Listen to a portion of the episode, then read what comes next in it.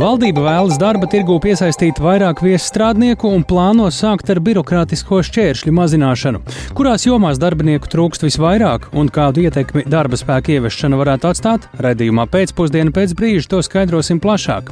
Par dzērāju šoferu izraisītām avārijām plāno sodīt bargāk. Iespējams, jau šogad obligāts būs papildu sots, kas var sasniegt pat 3 miljonus eiro.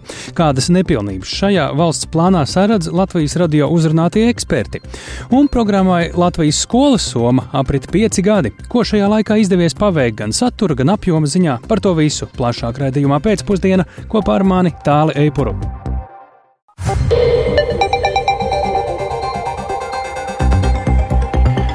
Pūkstens rāda 16,5 minūtes, skan pēcpusdienas ziņu programma, skaidrojot šodienas svarīgus notikumus. Studijā tālāk Eipurs, labdien! Valdība gatavojas Latvijas darba tirgu plašāk atvērt viesstrādniekiem, tāpēc ekonomikas ministrs aicina sākt ar birokrātisko šķēršļu mazināšanu. Par to, cik būtiski šādas izmaiņas varētu veicināt darbinieku pieplūdumu, nedz ministrs, nedz darba devēja konfederācija pagaidām nav rēķinājuši. Uzņēmēji norāda, ka šobrīd birokrātijas dēļ katra viesstrādnieka piesaistīšana ilgst trīs mēnešus. Turpina Sinta Jambote. Pat labam Latvijā ir liels viesstrādnieku skaits, kas pilnvērtīgi nemaksā nodokļus šeit un nav arī jebkādā veidā uzskaitāmi, norāda ekonomikas ministrs Viktors Valainis no Zaļo un Zemnieku savienības. Tie ir darbinieki, kas iebrauc ar Polijas, Igaunijas vai Lietuvas darba atļaujām, lai strādātu IT, būvniecības vai pakalpojumu jomā Latvijā. Efektīvākai darba spēka piesaistīšanai no ārvalstīm kā īstermiņa risinājumu viņš redz tieši birokrātijas mazināšanu. Cik lielu viesstrādnieku skaitu varētu ievest līdz ar šiem atvieglojumiem Valainis Latvijas radio gan pagaidām nekomentē. Šobrīd tieši dēļ šīs mākslīgi veidotās birokrātijas šie skaitļi nav objektīvi. Restīvi uzņēmēji, piemēram, sludina uh, darba sludinājumus, mm. kur faktiski viņiem nemaz tas darbinieks nav vajadzīgs, bet viņi viņu tur ar domu, ka tajā brīdī, kad viņam vajadzēs to darbinieku, lai viņš izpildīs šo likuma prasību, ka viņam mēnesī jātur šis sludinājums. Ir jau izstrādāti četri normatīvie regulējumi, kurus uh, es vēlreiz aicināšu ar uzņēmēju organizācijām pārunāt, kas attiektos tieši uz augstu kvalificētu darba spēku piesaisti. Un Un mēs jau tuvākajā laikā uzsāksim sarunas ar atsevišķām jomām, piemēram, būvniecības jomu, lai identificētu nepieciešamu apjomu, kas iztrūkst šobrīd darba tirgu, un vienotos par to, kādā veidā mēs to jautājumu varam pēc iespējas ātrāk un kontrolētā veidā risināt. Latvijas darba devēja konfederācijas prezidents Andris Bite arī nelēš konkrēti uzņēmumos trūkstošo darbinieku skaitu, ko vajadzētu ievest tieši no trešajām valstīm, jo tas ir mainīgs. Viņš norāda, ka ārvalstu darbinieku piesaistes procesā ir gan likumdošanas šķēršļi, gan iestāžu, kas apstrādā šos pieteikumus kapacitātes problēmas. Tāpat uzņēmēji ieskatā jāmaina atalgojuma prasības. Jautājums ir par vidējo minimāli nepieciešamo atalgojumu, kas ir jāmaksā trešo valstu darbiniekiem. Šobrīd regulējums ir maksāt ne mazāk kā vidēja algu valstī. Uh, mūsu piedāvājums ir tomēr dalīt par nozerēm un uh, noteikti, ka nedrīkst maksāt mazāk kā ir vidēja alga konkrētajās nozerēs, jo attīstoties ekonomikai šī atšķirības veidojas pietiekami liels pieņēmsim starp uh, lauksaimniecību un IT nozari. Gan arī izglītības dokumentu pierādīšanas nepieciešamība, ka šim ārvalstu darbiniekam vai pretendentam uz šo darbu ir jāpierāda, ka pieņemsim, viņš ir apguvis zivju apstrādes profesiju, kas ir bezjēdzīga prasība, jo mēs paši apmācam cilvēkus Latvijas būvnieku asociācijas pārstāvis akciju sabiedrības būvuzņēmums restaurators valdes priekšsēdētājs Mareks Mamais iezīmē, ka īpaši sezonālā biznesā vajadzība pēc darbiniekiem ir viļņveidīga. Šobrīd uzņēmumā ap 10% ir tieši ārvalstu darbinieki, bet šo skaitu īpaši vasarā nepieciešams dubultot. Būvnieks norāda, ka birokrātijas dēļ viestrādnieku piesaistē vajadzīgi vismaz trīs mēneši. Un tad, kad eh, mēs te mūsu mazie tirgu kādu pasūtījumu eh, nu, iegūstam, mums vajag tos darbiniekus rīt vai pēc nedēļas vai pēc mēneša. Un tas izstieptais laiks PMLP, eh, vēstniecība, tad atkal PMLP, tas ir krietni par garu, lai to nozari varētu drusku audzēt un lai to lietu varētu plānot. Mums šķiet, ka, teiksim, nejūt divreiz to pašu informāciju, ko iedot šeit, varētu neiedot vēlreiz vēstniecībā. Tā nav tāda augsta pievienotā vērtība, bet darba rokas akūti trūkst, un mums viņus vajag uz īsu laiku, un tā garā birokrātija izmaksā uzņēmējiem ļoti dārgi, lai to cilvēku dabūtu šeit, un tad vajag viņu maksimāli ilgi šeit turēt. Bet bieži vien mēs varētu arī strādāt tikai uz sezonu, Liksim, no maija līdz septembrim viņus nodarbināt, lai viņi brauc atpakaļ Taģikistānu vai tā ir Uzbekistāna, kas tagad ir, ir populāri. Ekonomikas ministrija sola drīzumā nākt klajā arī ar informatīvo ziņojumu par nodarbinātības politikas cilvēku kapitāla attīstību, lai piedāvātu arī ilgtermiņa risinājumus, piemēram, vietējā darba spēka pārkvalifikācijā. Sinti Ambote, Latvijas radio. Tik tālu par koalīcijas plāniem, bet paskatoties, piemēram, sociālajos tīklos, piemēram, opozīcijā esošais saimnes deputāts no Nacionālās apvienības Butānkungs attiecībā uz darba spēka problēmas risināšanu, piesaistot cilvēkus no ārvalstīm, rosina samazināt darba spēka nodokļus, kas ļautu uzņēmējiem par labām algām pašiem piesaistīt speciālistus, aicina nekavēties ar atbalstu uzņēmējiem modernām iekārtām un brīdina par imigrantu nemieru, piemēram, Zviedrijā. Uz ko komentāros viņam tiek norādīts, ka tas dzīvošanu Latvijā padarītu krietni dārgāku un samazinātu budžeta ieņēmumus un līdz ar to arī iespējas. Pie mūsu klausulas Latvijas Universitātes biznesa vadības un ekonomikas fakultātes profesors Mihails Hazans. Labdien! Labdien! Kāda šobrīd uh, ir situācija? Ir pēdējais brīdis kaut kādiem fundamentāliem lēmumiem, kas mainītu mūsu līdzšinējo darba spēka un tā piesaistes politiku? Nu, pēdējais vai, varbūt ne, nav pats pēdējais, bet nu, noteikti, nu, cik es atceros, jau pirms 15 gadiem ap, aptuveni tie paši jautājumi tika uzdoti. Jā, nu, tiešām mūsu problēmas darba tirgu šobrīd. Viņu teikt, saknes ir teikt, vairākas. Viena ir, ir pagatnē bija negatīvais dzimstības un mirstības bil, negatīva bilance. Uh, Tagad pēdējo 15 gadu laika negatīva migrācijas bilance. Nākotnē mūsu darba tirgu būs problēmas, tāpēc kā šobrīd mums ir atkal negatīva dzimstības un mirstības bilance. Un, kāpēc aizpildīt šos lielus caurumus, kas veidojas to trīs iemeslu dēļ, mēs nevarēsim ne, ne, nepiesaistot ārvalstu darba spēku tikai, piemēram, tur vairāk remigrantu, kad ir piesaistīti jau tagad. Remigrantu pietikuši daudz atgriežas, un tur grūti iedomāties, ka var būtiski palielināt to skaitu. Tāpat vietējā rezerve, jā, varbūt var labāk izmantot, bet ar to daudz, daudz nepietiks. Jā. Skaidrs, ka bez uh, politikas, gan politikas, gan procedūru izmaiņām, šeit es runāju tieši par tām birokrātiskiem šķēršļiem, nevar iztikt. Kādai tad būtu jābūt politikai, lai viestrādnieki šeit, eh, nu te varianti, lai viestrādnieki šeit principiāli tikai strādātu un pēc tam dotos eh, prom, kā dzirdējām ierakstā, eh, vai arī ir jāliek kopā ar tādu plašāku imigrācijas politiku, kur cilvēki šeit arī paliek uz dzīvi? Nu, es domāju, ka jābūt abiem kanāliem. Varbūt, jo da, ir nozares, kur tiešām tas ir sezonālais jautājums, un tur viestrādnieki ir galvenais rīks. Jā, un ir uh, ilgtermiņa risinājumi, uh, kas, uh, teiksim, ja mēs domājam par uh, par, nu, par demografiskos uh, caurumā, teikt, aiz, aiz, aizpildīšanu, tad tur vajag arī migrācijas politikas risinājumus.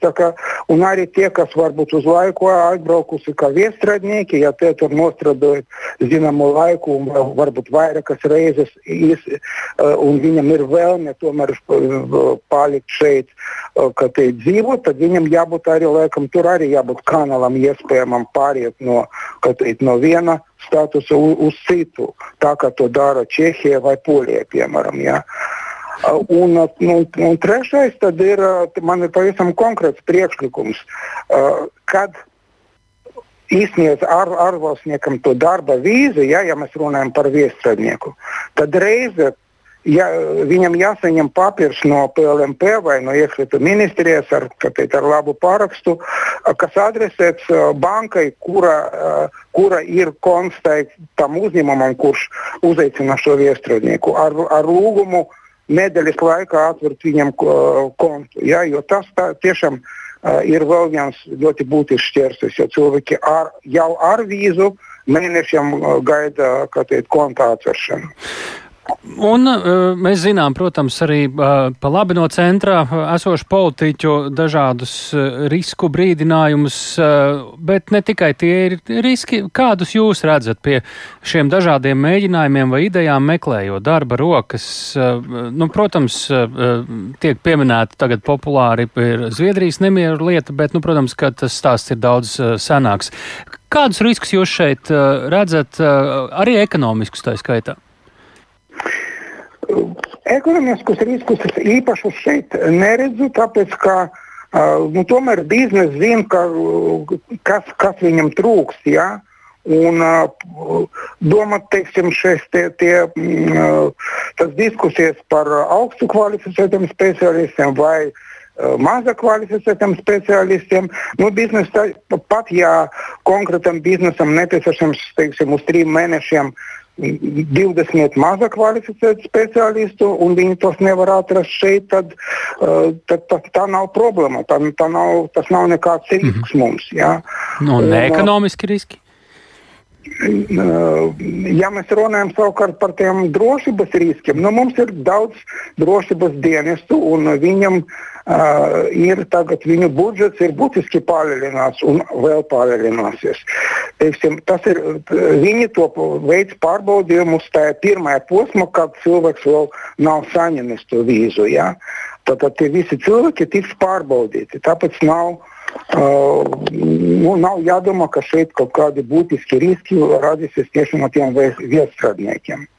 Kā ar to skaisto un skaļo lozungu piesaistīt augsti kvalificētus speciālistus, inženierus, ārstus, zinātniekus? Nu, mēs Jā. jau paši savus šeit nevaram noturēt, un nu, vai mēģinājumi piesaistīt šādu veidu jaunu darba spēku nevar beigties beig beigās tāpat ar mazāk kvalificētu cilvēku ierašanos te pašā nu, celtniecībā pakalpojumu nozarē? Jā, tie mazāk kvalificēti, ja viņi nebūtu vajadzīgi, viņus neviens neaicinātu. Tas ir viens. Otrs, tas jēdziens mazāk vai vairāk kvalificēts, mazliet tagad pēdējā laikā ma mainījies satura. Jā, teiksim, pandēmijas laikā izrādījās, ka kritiski svarīgi daudzām valstīm ir tādi darbinieki, kā tur kurjeri, kas piegādā preces vai, vai pirkumus. Grūti pateikt, tas ir augsti kvalificēts darba spēks vai ne, bet viņi tiešām ir ļoti nepieciešami. Tāpat lielveikalu darbinieki, ka tur, kas, kas izliek preces uz plaukta. Piemēram, zinu konkrēti, ka Lielbritānijā šīs, teikt, šī profesija tiek pieskaitīta pie, pie kritiski svarīgiem svarīgam profesijam valstī. Vismaz eh, pandēmijas laikā tā tas bija. Tāpēc eh, es nedomāju, ka šeit eh, nav jāuzticas biznesam pa lielam. Ja. Lielas paldies par tiešām, ja mēs runājam par ļoti augsti kvalificētiem, šeit vajadzētu nelielu vienību kaut kur ekonomikas ministrijā, varbūt kur būtu speciālisti, kas mēdz mērķiecīgi meklēt konkrētas profesijas speciālistus, varbūt gan, gan ārvalstniekus, gan no mūsu bijušiem, teikt, nu, kas emigrē no Latvijas. Jo tur vajag specifiskas prasmes strādāt ar sociālos tīklos, lai atrastu, kur tas prasmes varētu būt, nu, varētu nebūt tādas prasmes konkrētam uzņēmumam, kur, kurš meklē speciālistus. Un, teiksim, šeit valsts varētu palīdzēt tieši nu, ar tādu uh, atbalstu šai jomā, meklēt konkrēti ļoti augstu kvalificētus speciālistus, kurus vajadzīgi. Un tad tas būs jau ilgtermiņa risinājums droši vien vajadzīgs, jo tādu vērtīgu speciālistu, uh, kā teikt, uzaicināt uz, tur, uz pusgadu un pateikt, pēc tam tev būs jābrauc prom. Nu, varbūt daži piekritīs projekta nu, nodarbinātībai kaut, kaut kādai, bet principā šeit jādomā arī par, par to otro kā no par, par imigrāciju, nevis viestradniekiem. Sakām paldies Latvijas Universitātes biznesa vadības un ekonomikas fakultātes profesoram, darba tirgus pētniekam Mihailam Hazanam. Tātad eh, runājam par to, ka uh, koalīcija plāno vairāk uz priekšu, domājot, gatavojas darba tirgus durvis plašāk atvērt viesstrādniekiem. Gandrīz visiem mājokļu kredītu ņēmējiem 50% atlaide kredīta procentu maksājumiem. Par šādiem atvieglojumiem mājokļu kredīta atmaksai šodien vienojušies politiķi saimnes komisijā par spīti baņķieru draudiem ar tiesu darbiem. Atbalsts attiektos uz hipotekāro kredītu ņēmējiem, kam atlikusī kredīta summa ir līdz 250 tūkstošiem eiro. Tālāk par attiecīgajiem grozījumiem pirmajā lasīmā jau būs jālemj saimai. Vairāk par tematu Paulas Dēvicis ierakstā. Saimas budžeta un finanšu komisija šodien vienbalsīgi pieņēma lēmumu atbalstīt hipotekāro kredītu maksātājus. Grozījumi patērētāju tiesību aizsardzības likumā paredz piemērot 50% atlaidi hipotekāro kredītu procentu maksājumiem uz vienu gadu. Šodien deputāti vienojās atbalstu piešķirt tiem maksātājiem, kuriem atlikusī aizņēmuma summa ir līdz 250 tūkstošiem eiro. Tas nozīmē, ka atbalstu varētu saņemt teju visi hipotekāro kredītu maksātāji. Šādiem kritērijiem Latvijā atbilst 99% kredītņēmēju. Turpina komisijas priekšsēdētājs Jānis Reirs no jaunās vienotības. Kredītņēmējs ir ļoti neizdevīgā situācijā. Un līdz ar to šī patreizējā situācija ir ļoti steidzama. Protams, šis likumprojekts būs trijos lasījumos, un, protams, mums ir iespēja vēl papildināt eh, šīs normas un eh, vērtēt. Pat labam likumprojektā paredzēts, ka atbalstu varēs saņemt persona, kurai tas ir vienīgais hipotekārais kredīts. Atbalsts nebūs paredzēts tiem, kuri kreditēto mājokli izīrē. Likmes samazinājumu attiecinās uz tiem kredītiem, kuri izsniegti līdz šī gada 30. septembrim. Lēmums gan ļoti iespējams nozīmēs arī tiesu darbus, tā brīdina Finanšu nozares asociācijā. Vairāk stāsta juridiskais padomnieks Edgars Pastars. Pirmkārt, mūsu kaimiņu valstīs šāda iniciatīva šobrīd nav. Un uh, noteikti, ka šāda iniciatīva, ja tiks pieņemta, radīs defektus tirgu nākotnē, un mēs atkal būsim pārsteigti, kāpēc kaimiņu valstīs kreditē vairāk. Un otrkārt, zinām, mērā rodas sajūta, ka ir gatavots regulējums, kuru jau visi zina, ka viņš tiks apstrīdēts, un ļoti iespējams būs neatbilstošs, jo nedz ietekme uz investīciju aizsardzību ir vērtēta, nedz arī šim dokumentam, vismaz pēc tā, ka šodien izskanēja komisijas sēdē, ir veikts eh, atbilstošs konstatāts novērtējums, nedz arī tas ir saskaņots vēl ar Eiropas centrālo banku. Tas viss vēl acīm redzams, ir priekšā. Nozara saimai pārmet iejaukšanos cenu politikā. Vienlaikus no banku puses pretimnākšana līdz šim ir bijusi visai nosacīta, vien piemērojot individuālus risinājumus kredītņēmējiem. Vakar valdības vadītāja Evika Siliņa no jaunās vienotības atzina, ka viena banka esot izteikusi gatavību samazināt kredītmaksājuma likmi par 1% tiem, kas godprātīgi veikuši visus maksājumus. Nav zināms, vai šādam solim pievienoties varētu arī citas bankas bankas. Tomēr premjerministrs šorīt Latvijas televīzijas raidījumā Rīta panorāmā atzina, ka šobrīd atbalstam ir jābūt pēc iespējas plašākam. Piemēram, un es aicinātu arī gan šo kredīti iestādi pašiem publiskot šo piedāvājumu, jo pagaidām man tādas tiesības nav nosaukt vārdu, gan arī pārējās kredīti iestādes nākt ar uh, savu risinājumu, jo ir skaidrs, ka Saimnes budžeta komisija meklēs šo risinājumu un diez vai apstāsies. Papildus mēs arī budžetā esam paredzējuši 12 miljonus eh, rezervējuši finansējumu altumu garantijai, kas varētu būt arī vēl kā papildus risinājums tiem hipotekāro kredītu saņēmējiem, kuriem pārsniedz kredītprocentu maksājums 40% no viņu kopiem ienākumiem. Šāds atbalsts varētu būt pieejams no nākamā gada. Savukārt par šodien Saimas komisijā lēmto vēl jāspriež Saimā, kura drīzumā grozījumus skatīs pirmajā lasījumā. Paula Dēvica, Latvijas radio. Tagad par vēl kādu lemšanu, kas gaidām Saimā. Par Latvijas nepievienošanos Stambulas konvencijai Saima varētu balsot jau rīt. Šādu lēmumu virza ārlietu komisija pēc teju 13 tūkstošu iedzīvotāju parakstītas iniciatīvas. Tiesa, rīt saimnes vairākums to ļoti iespējams var arī noraidīt, īpaši jau zinot, ka jaunā koalīcija ir apņēmusies panākt Stambuls konvencijas ratificēšanu ar mērķi mazināt vardarbību pret sievietēm un ģimenēm. Vairāk Jāņa Kīņš ierakstā.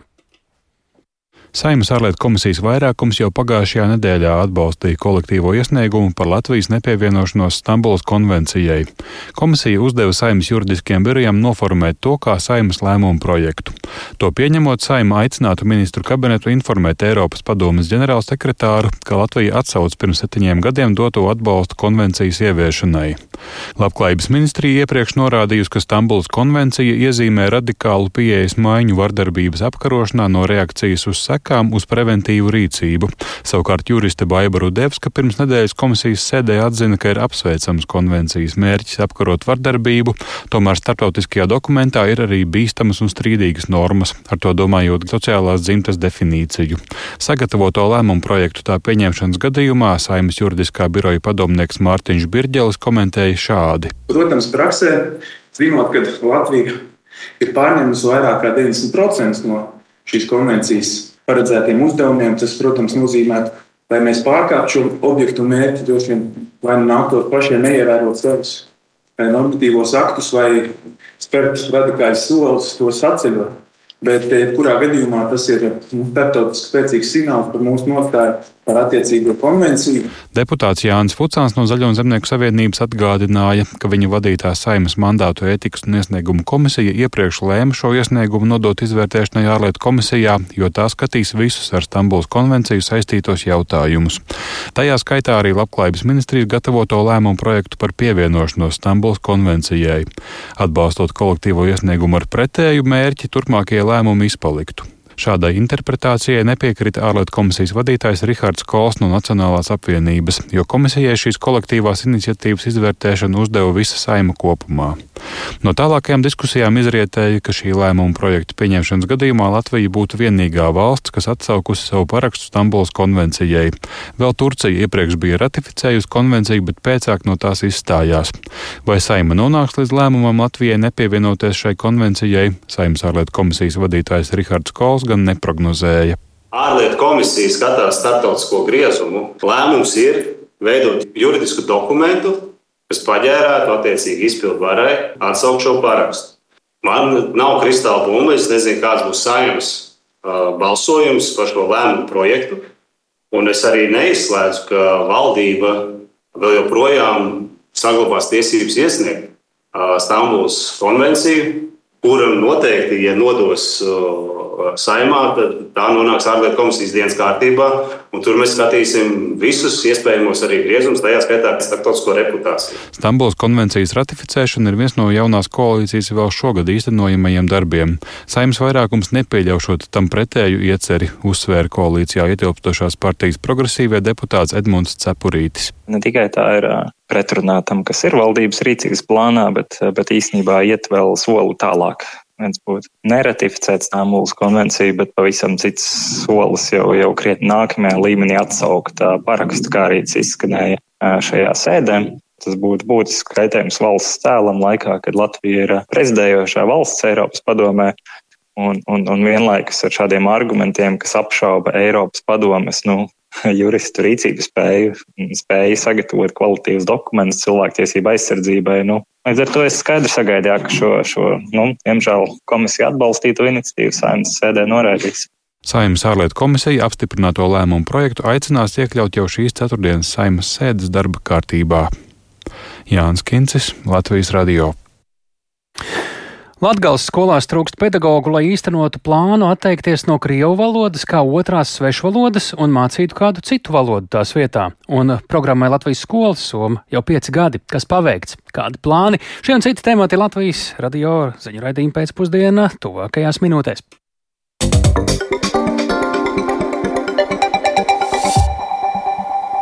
Par satiksmes negadījumu izraisīšanu alkohola vai citu vielu reibumā Latvijā plāno noteikt bargākus sodus. Šobrīd tiesa var arī nepiemērot, piemēram, papildu sodu, taču iespējams jau šogad pie pamatsoda papildu sods būs jāpiemēro obligāti. Un par smagām avārijām un cilvēku nāvi tas var sasniegt pat 3,1 miljonu eiro. Latvijas radio uzrunātie eksperti šādā valsts plānā saredz caurums. Vairāk Viktora Demidova ierakstā. Saimas krimināltiesību un sodu politikas apakškomisija atbalstīja likuma grozījumus, kas paredz, ka par alkoholu vai citu apreibinošo vielu ietekmē izraisīto ceļu satiksmes negadījumu līdzās pamatsodam obligāti ir jābūt arī papildu sodam, kas varētu būt no trim vidējām mēneša algām, jeb no 1860 eiro līdz 5000 mēneša algu, jeb līdz 3,1 miljonam eiro. Grozīt likumu ierosināja ģenerālprokurors Juris Stukāns. Orbāns uzskatot, ka esošā sistēma neatur cilvēkus no sēšanās pie stūres reibumā. Līdz ar izmaiņām paredzēts arī atteikties no sabiedriskā darba, jo tas kā sots nedarbojas. Tā uzskata Tieslietu ministrijā. Šāds plāns plašu rezonanci radīs sociālajā platformā Facebook, kur ar viedokļiem dalās simtiem cilvēku. Lūk, piemēri. Smieklīgi naivi. Viņi pat 300 nemaksā parādus, kādu vēl 3 miljoni. Tas, kurš šito izdomāja, ir tikpat slims uz galvu kā tie plēguri. Vidusmēra latviešu dzīvē pat miljonu neierauga, a te pat uz veseliem trim grib. Es saprotu, ja kā kompensācija cietušai pusē, ko fiziski tā arī nekad neieraudzīs, bet te sots uz valsts kabatu - amizanti. Sākumā domāju, ka tas ir joks, bet lasot tālāk, sapratu, ka raksts ir slima zirga murgi. Tur kaut ko sapīpējušies saimājas bezdarbības vai kā. Ja likums stāsies spēkā par braukšanu reibumā autovadītājam, piemēram, īslaicīgi būs atņemta brīvība, atņemtas tiesības un arī naudas sots. Ja naudas sodu nesamaksās, pārkāpēju ievietos cietumā, turpina Saimas krimināla tiesību un soda politikas apakškomisijas vadītājs Andrēs Judins no jaunās vienotības. Pat labi tiesa pēc saviem ieskatiem var piemērot naudas sodu kā papildu sodu, bet uh, turpmāk ir paredzēts noteikti, ka tās būs obligāts sots, nu tā kā bija iepriekš administratīvas atbildības kodeksē. Ja, tad, bet es gribu uzsvērt, ka mūsu mērķis nevis papildināt budžetu. Mēs gribam atturēt cilvēku no tādām darbībām. Un, Jautājums, ka ceru, ka cilvēki klausoties, tad tie, kas kādreiz varbūt darīja un apsver tādas iespējas, tad viņi tomēr atturēsies un nesēdēs pie stūres reibumā. Lielie naudas sodi nav veids, kā cīnīties ar dzērāju šoferiem. Tā uzskata satiksmes eksperts Oskars Irbītis, uzskatot, ka cilvēkam ir vienalga, vai sots ir 5000 eiro vai vairāki miljoni. Jebkurā gadījumā summa ir neiedomājami liela. Viņa prāt, galvenais ir mainīt sabiedrības attieksmi. Uz angļu futbola fanu man bargi iedarbojas, ja viņi nelaiž stadionā nu, varbūt var atrast kaut kādu līdzekli vai, ne, vai kaut kādu nodarbi, ko aizliedzot darīt, šis dzērāja šofers apdomāsies. Es nezinu, makšķerēšanas licenci atņemt, neļaut suni turēt. Vienkārši tas ir jāatrod, tas ir jāmeklē, jāmeklē šis variants, kas iedarbosies uz konkrēto cilvēku. Traģiskais lēmums braukt dzērumā tiek pieņemts esot dzērumā. Un šeit ir tieši tas, kur sabiedrība var novērst šo situāciju. Ja mēs redzam, ka viens pilnīgi neadekvāts cilvēks mēģina sēsties pie stūres, tad jau sabiedrībai tas ir jānovērš, jāaptur. Turpretim Rīgas Stradiņa universitātes asociētais profesors un bijušais valsts policijas priekšnieks Aldis Lieljuksis valsts plānu vērtē pozitīvi, vienlaikus saredzot, ka nomaksāt sodus pārkāpējiem varētu būt problemātiski.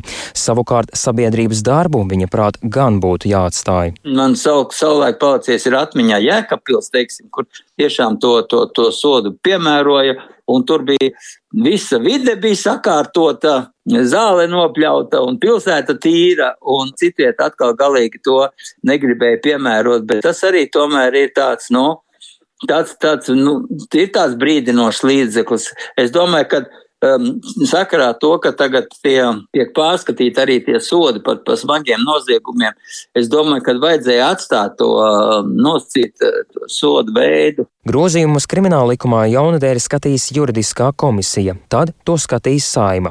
Judins pieļauj, ka izmaiņas spēkā varētu stāties jau šogad.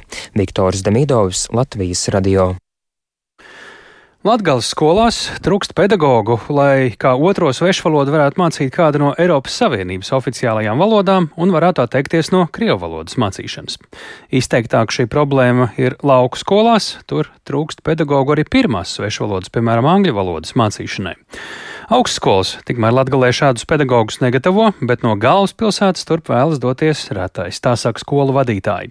Kā zināms, Latvijā no 2026. un 2027. mācību gada pamat izglītības pakāpē kā otro svešu valodu skolēniem plānots mācīt, mācīt vienu no Eiropas Savienības vai Eiropas ekonomiskās zonas dalību valstu oficiālajām valodām. Par skolu gatavību šīm izmaiņām mūsu Latgales korespondents Silvijas Smagars ierakstā. Pašlaik Latvijas skolāri no skolas gaita uzsākšanas kā pirmo svešvalodu sāk apgūt angļu valodu, bet līdz ar sākuma skolas beigām 4. klasi sāk apgūt otro svešvalodu. Mums ir vispār spāņu valoda, mēs pasniedzam 4. klasēs un 7. klasēs vācu valodu un angļu valoda kā pirmā valoda. Vēl nesagaidot ministrijas rīkojuma Dāngāpils draudzēga aicinājumu vidusskola, kas atrodas jaunās Forštates apkaimē, kā apliecina skolas direktore Kristīna Ivancova, pamatizglītības pakāpē no krievu valodas otras svešvalodas jau ir pilnībā atteikusies. Tas notiek lielākajā daļā pilsētas skolu stāsta Dāngāpils izglītības pārvaldes izglītības satura nodaļas vadītāja Ināra Sprindžuka. Daugopils pilsētā kā otro svešvalodu 4. klasēs lielākoties piedāvā vācu valodu, spāņu valodu, franču valodu valodu. Ir eh, dažas skolas, kuras piedāvā krievu valodu, ja vecāki tā ir izvēlējušies. Ja mēs runājam šobrīd par 13 vispār izglītojošiem skolām, tad 4. klasē krievu valodu var apgūt trijās skolās, un 7. klasē tās ir apmēram 5. Kad 4. klase sāka mācīties otrās, divas otrās svešvalodas, tā ir vācu valoda un spāņu valoda. Krievu valodu ļausim pabeigt skolēniem. Dāngāpils vienības pamatskola ir to daža pilsētas skola vidū, kur krievu valoda kā otrā svešvaloda vēl tiek mācīta. Taču jau tiek meklēti risinājumi, kā pāriet uz citas valodas apguvi, stāsta skolas direktore Edītes Danovska. Turklāt uz to norāda arī vecāku pieprasījums. Devām 4. klašu vecākiem aptauju, kādus priekšmetus varētu izvēlēties krievu, spāņu vācu, un krievu valoda palika mazākumā. Otrajā lielākajā valsts pilsētā Dāngāpulī problēmām ar otrās svešvalodas mācīšanu nevajadzētu būt. Šāda viedokļa pauž Dāngāpulas izglītības pārvaldes vadītāja Marina Isupava. Pietiekoši daudz eh, skolotāju, kas var piedāvāt mācīt gan vācu valodu, gan spāņu valodu, gan zviedru valodu. Ja pilsētās vēl ir iespēja izvēlēt, tad pavisam cita aina ir laukos. Rezeknes novada skolās kā otro svešvalodu pārsvaru apgūst krievu valodu, jo ir pieejami pedagoģi. Tikai trīs novada novada skolās pagājušajā mācību gadā tika mācīta vācu valoda. Pedagoģu trūkums tam ir galvenais iemesls. Līdzīga situācija ir augšdaļgavas novadā, stāsta izglītības pārvaldes vadītāja Janita Zarakovska. Ir skolas, kurās diezgan grūti būs pāriet uz otru citu svešu valodu, jo nav gan pedagoģiskā kadra, kas būtu sagatavots, gan tie skolotāji, kas ir jau nav gatavi varbūt uz pārkvalifikāciju. Bet ir skolas, kur ir ienākuši jaunie pedagoģiskie kadri angļu valodā. Viņiem ir arī otras svešvaloda. Kaut kur 70% skolu ir gatavi šai otrai svešvalodai, vācu vai franču valodai, jā, un kaut kur vēl 30% jāpiestrādā, lai dabūtu skolotāju. Kur... Прочитай Pamats, kādu otro svešvalodu mācīties, ir vecāku iesniegums, stāsta Spogu vidusskolas direktora Ināra Onzule. Šobrīd krievu valodu te mācās trīs klases un piecas ir dalītās klašu grupas. Otrā svešvaloda tiek mācīta gan krievu valoda, gan arī vācu valoda. Un šeit ir izvēle pašu skolēnu, viņu vecāku rokās. Skolotāja Irina Grebeža skolā māca krievu valodu. Visdrīzāk viņai pēc trim gadiem darbs skolā būs jāzaudē. 18 stundas man ir slodze. Cik lasīties mācīt? No 4. līdz eh, vidusskolai, līdz 11. Eh, klasē. Daži bērni ir no krievu valodīgiem ģimenēm un no latviešu. Šobrīd skolotāja vada stundu 7. klasē. Ko jūs sakat, ka nebūs vairāk krievu valoda? Kādu valodu tad mācīsieties? Uz vācu. Drīzāk, jā. Bet kāpēc izvēlēties krievu valodu šobrīd? Mm, jo tā ir uh, mana dzimtā valoda. Izvēlējos, jo viņš ir viegls Nu, izvēlēšos vācu valodu. Patīk krievu valoda.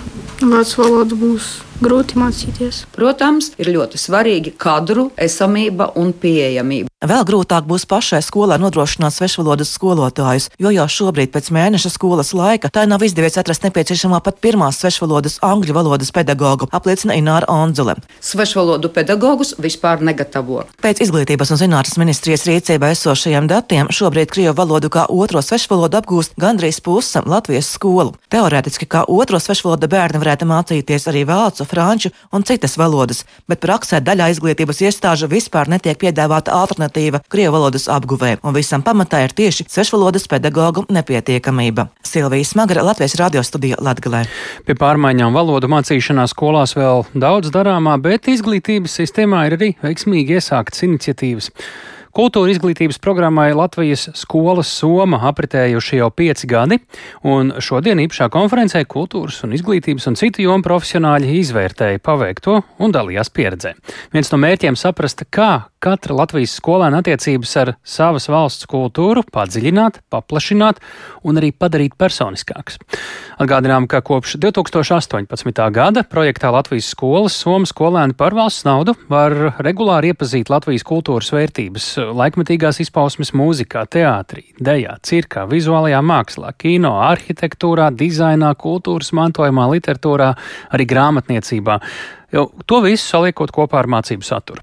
Programmu Latvijas skolas Soma administrē Latvijas Nacionālais kultūras centrs, un pie mūsu klausulas šobrīd ir Latvijas skolas Soma programmas vadītāja Aitūna. Labdien! Labdien! Nu, mēs dažos vārdos nu, pat mēģinājām ļoti īsi raksturot, kā darbojas projekts skolas Soma, bet kā jūs teiktu to, raksturot to, kas piecos gados ir izdarīts gan tādā satura ziņā, gan apjoma ziņā, tīri varbūt tā faktiski statistiski? Jā, bija ļoti interesanti klausīties kopsavilkumu no malas, un jūs viss ļoti precīzi pateicāt. Tā ir tā ko, korektā, konkrētā informācija, bet patiesībā šie pieci gadi ir bijuši emociju, jaunatklājumu un prieka un pārdomu pilni. Jo kultūra dara visu to, ko es tikko nosaucu. Kultūra palīdz mācīties, sniedz veldzējumu, varbūt grūtā brīdī vai noguruma brīdī, iedvesmo uz jauniem darbiem, māca, ka lietas var savienot iepriekš nebijušā veidā, respektīvi attīsta gan kritisko domāšanu, gan radošumu, gan drosmi darīt savādāk, būt atšķirīgam. Un tas viss ir tas, kas ir vajadzīgs 21. gadsimta cilvēkam, gan personīgajā dzīvē, gan arī profesionālajā darbībā. Uh, iepazīstot kultūru, skolēni uh, paplašina savas prasmes, bet arī ir šī saikne ar savu valsti. Un iepriekšējā sižetā jūs runājāt par latviešu valodas un, un dažādu svešu valodu apgūšanu skolās. Tad mēs esam piemēram sagatavojuši īpašu izlasi uh, skolēniem, kuriem ir mazākas uh, latviešu valodas zināšanas tieši caur kultūras norisēm motivēt, pamazām mācīties un saprast, kas Latvijai ir īpašs kultūras ziņā. Mm -hmm. un, un tomēr tā ir programma, tā ir valsts nauda. Tur vajag arī secinājumus, skatu uz priekšu, uh, uh, pietiekami arī piezīmētus. Kādi jums tie ir pēc pirmajiem pieciem gadiem? Jā, tikko šodien konferencē tika prezentēti pirmie provizoriskie rezultāti izvērtējuma pētījumam, ko veic Latvijas Kultūras Akadēmija. Un, kā profesora Laķa atzīmēja savā uzstāšanās reizē, rezultāti ir aizdomīgi labi, bet tādi tie patiešām ir.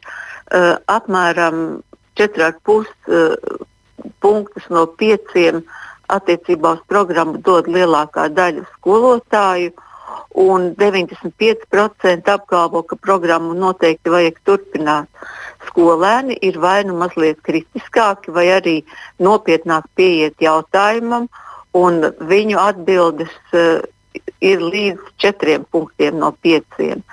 Uh, attiecībā uz to, vai ir pietiekama dažādība un, un ko viņi ir ieguvuši no šīs programmas. Eh, bet eh, patiesībā pilnais pētījuma eh, rezultātu apkopojums būs pieejams novembrī.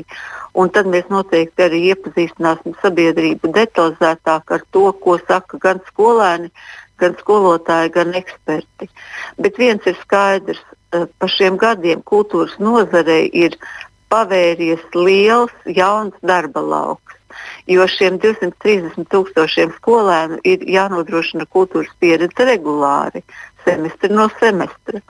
Savukārt pedagogiem, kuri nereti e, žēlojas, ka viņiem nav pietiekami mācību resursu, iegūst mūsdienīgu, interesantu, mm -hmm. skolēniem draudzīgu materiālu. Vai tā būtu filma, vai teātris izrāde, vai muzeja pedagoģiskā nodarbība. Jā, vēl īsi noslēgumā. Uh, priekšā, es ceru, ir vairāk nekā pieci gadi, vēl līdz ar to īsi būs vēl grūtāk, bet eh, šobrīd uh, projekts Latvijas skolas soma, kā izskatās, ir Latvijā uz palikšanu. Kas tajā varētu vēl mainīties, kļūt labāks, ko jūs varat dažos vārdos pedagogiem, vecākiem skolāniem pateikt? Uh, labā ziņa ir tā, ka projekts ir kļuvis par programmu. Uh, tā, tā ir ierakstīta izglītības likumā kā viens no mācību resursiem. Un tam ir uh, apņemšanās nodrošināt valsts finansējumu. Tas, kas mums ir jādara kopā ar izglītības un kultūras nozari, jā, jāstrādā pie norisu kvalitātes un to izmantošanas kvalitātes. Respektīvi, lai skolotāji veiksmīgāk iestrādātu norises mācību saturā un procesā, un lai kultūras jomas darbinieki uh, veidotu augstas kvalitātes piedāvājumus, kas nav ne bērnišķīgi, ne samāksloti, ne didaktiski, bet īsts kultūras notikums, kas iepriecina, saskumdina un liek domāt. Liels paldies! To mēs sakām programmas Latvijas skolas somu vadītājai Aijai Tūnai un Latvijas radio raidījums pēcpusdiena Šodien izskan, to veidoja Tāls Eipurs, Ilzi Agīnta, arī Kaspars Groskops un Katrīna Bramberga. Ja vēlties šo raidījumu noklausīties pilnā garumā, piemēram, nedzirdējāt sākumu vai ir ieteikt kādam citam, ņemiet Latvijas radio mobilo lietotni, un tur tas jau pēc kāda laiciņa ir iespējams, vai arī lielākās raidierakstu platformas arī tur to var darīt. Meklējiet dienas ziņas un klausieties mūsu katru darbu dienu, tā skaitā arī rīt pēc ziņām 4 un 5 minūtēs.